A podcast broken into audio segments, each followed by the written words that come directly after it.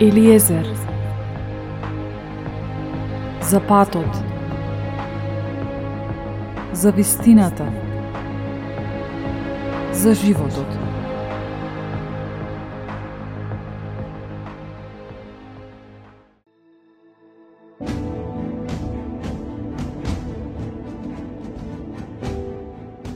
Мудрост Сирахова 41 глава.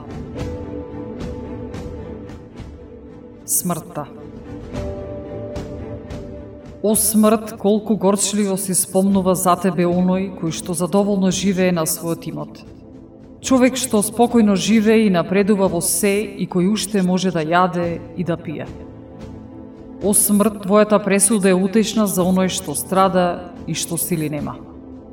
За престарен и затрупан со грижи за оној што загубил надеж и што трпение нема. Не плаши се од законот на смртта. Спомни си за оние пред тебе и за оние што по тебе идат. Тоа е пресуда од Господа за секое живо суштество. Зошто се плашиш од она што на Севишниот му е угодно?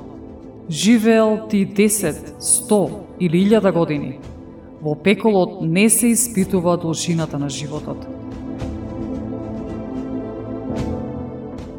Судбината на безбожниците –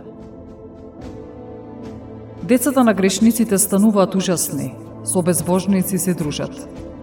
Наследството на децата од грешници на пропаст е осудено. Потомството нивно вечно прекорувано ќе биде. Безбожниот татко децата негови го колнат, зошто поради него тие се изложени на безчестие. Тешко вам, безбожници, зашто законот на Севишниот Бог го оставивте. Кога сте се родиле, за проклетство сте родени – а кога ќе умрете, проклетство ќе наследите. Се што е од земја, во земја се враќа, а безбожниците од проклетство во пропаст ќе појдат. Луѓето плачат по своите мртви, а на грешниците и недоброто име ќе им се избрише. Грижи се за Твоето име, тоа останува подолго со Тебе, отколку неброено злато. За деновите од добриот живот има број, а доброто име останува довека. Пазете ги, деца, полките мои во мир. Каква е ползата од сокриена мудрост и закопано богатство? Подобар е оној што ја крие својата глупост од оној што својата мудрост ја крие. И така, срамувајте се од она што ќе ви речам. Не е добро од се да се срамувате, ниту се подеднакво се цени. Срамувајте се од блуд пред татко и мајка, а пред началник и господар од лага. Од злосторство пред судија и кнез, од беззаконие пред собир и пред народ. Од неправда пред пријател и другар, а од кражба пред соседите своји. Пред вистината Божија и заветот, од подпирање лакти на трапеза, од измама при давање и земање Срамувај се во развратна жена да гледаш и од сонародник лице да свртуваш. Срамувај се да присвоиш туѓи дел и подарок, на туѓа жена да мислиш и на слугингата своја да ја се умилкуваш. Не приближувај се до постелата незина. Пред пријателот зборови срамни срамувај се, откако си подарил, не приговарај. Срамувај се да повторуваш и да шириш тајни гласови и туѓи тајни да откриваш – тогаш ќе бидеш вистински воспитан и кај секој човек милост ќе најдеш. Мудрост Сиракова 42 глава А не срамувај се, еве од што и со лицемерство не греши. Не срамувај се точно да го исполнуваш законот на Севишниот, од заветот и пресуда строга да изречеш над безбожник – да се расправа со другар и со туѓинец, ниту да го делиш наследството со други. Од точни мерки и мерења, од мала или од голема придобивка. Од честност при купување и продавање, од строго воспитување на деца и од казнување до крв на лош слуга. При љубопитна жена добро е да имаш печат, а каде што има многу раце, заклучувај. Ако даваш, давај со сметка и со мерење Бележи го и давањето и примањето. Не срамувај се да поучуваш глупав и неразумен, и престарен, што со млади се надпреварува. Тогаш ќе бидеш вистински воспитан и сите ќе те почитуваат. Грижи на таткото кон ќерката. Ќерката за таткото е постојана грижа. Грижата за неја сонот му го прогонува. Во младоста нема жена да не остане, а кога ќе се омажи, мажот неизин да не ја намрази. Додека е девица да не биде измамена и да не се забремени во таткова куќа. Кога ќе се омажи, брачната верност да не ја наруши, а кога е веќе со мажот, да не остане неплодна. Ако ќерката твоја е бесрамна, добро пази ја. Срам да не ти донесе пред твои непријатели. Да не станеш за срам во градот и укор пред народот.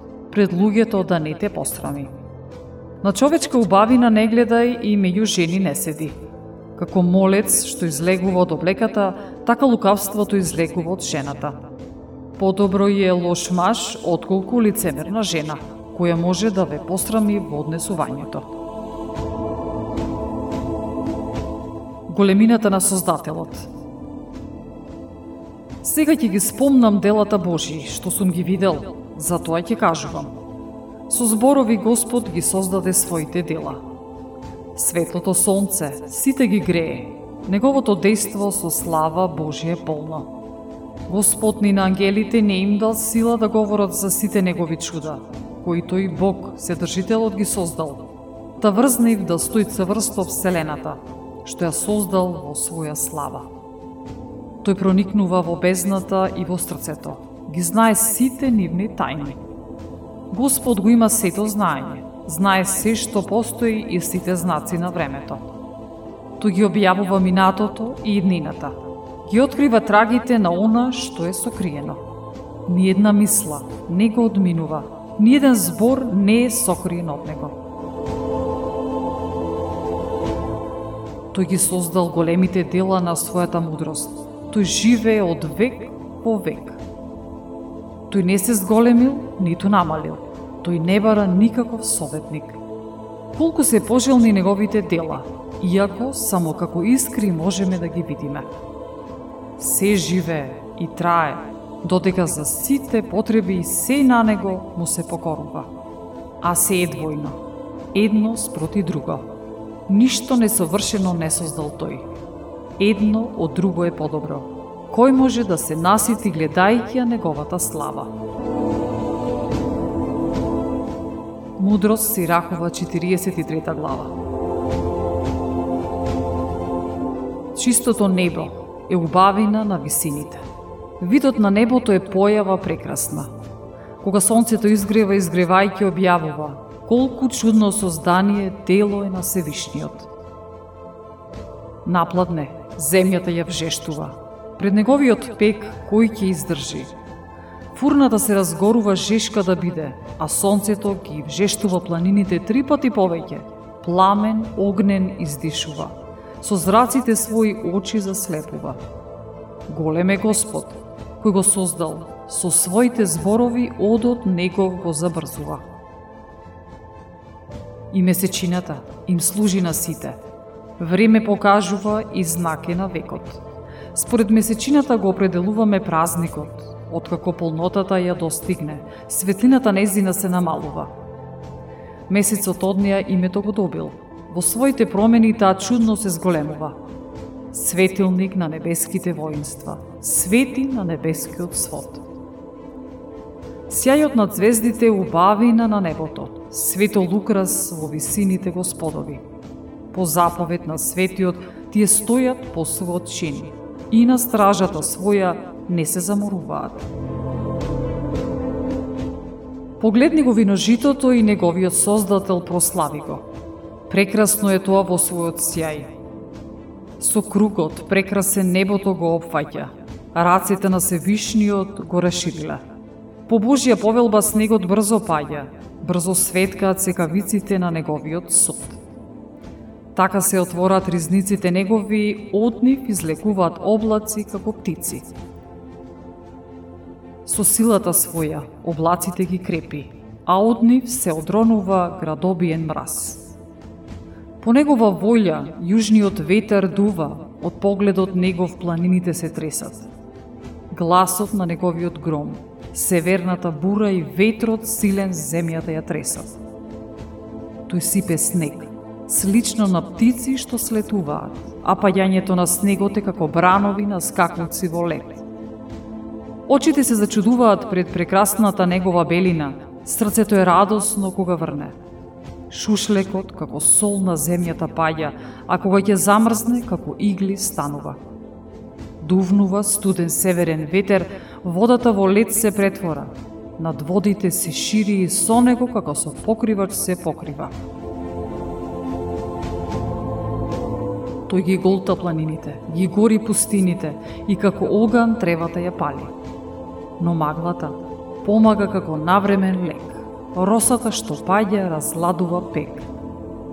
Со повелба своја бездната ја скротува, на секаде острови поставува. Морнарите прикажуваат за опасностите од морето, а ние се чудиме на она што со ушите свој го слушаме. Зашто таму има чудни и необични творби – разновидни животни и чудовишта морски.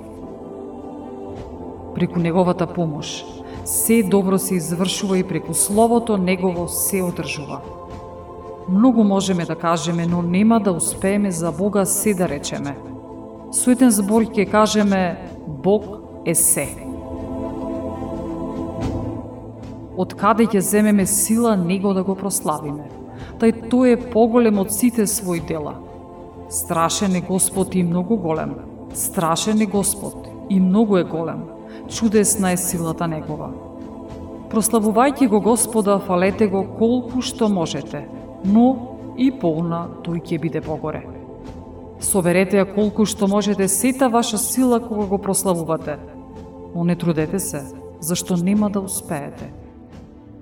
Кој го видел, па да ни објасни кој ќе го прослави каков што е. Многу има сокриено што е поголемо од ова. Ние гледаме само мал дел од неговите дела. Господ се создал, а на побожните мудрост им подарил.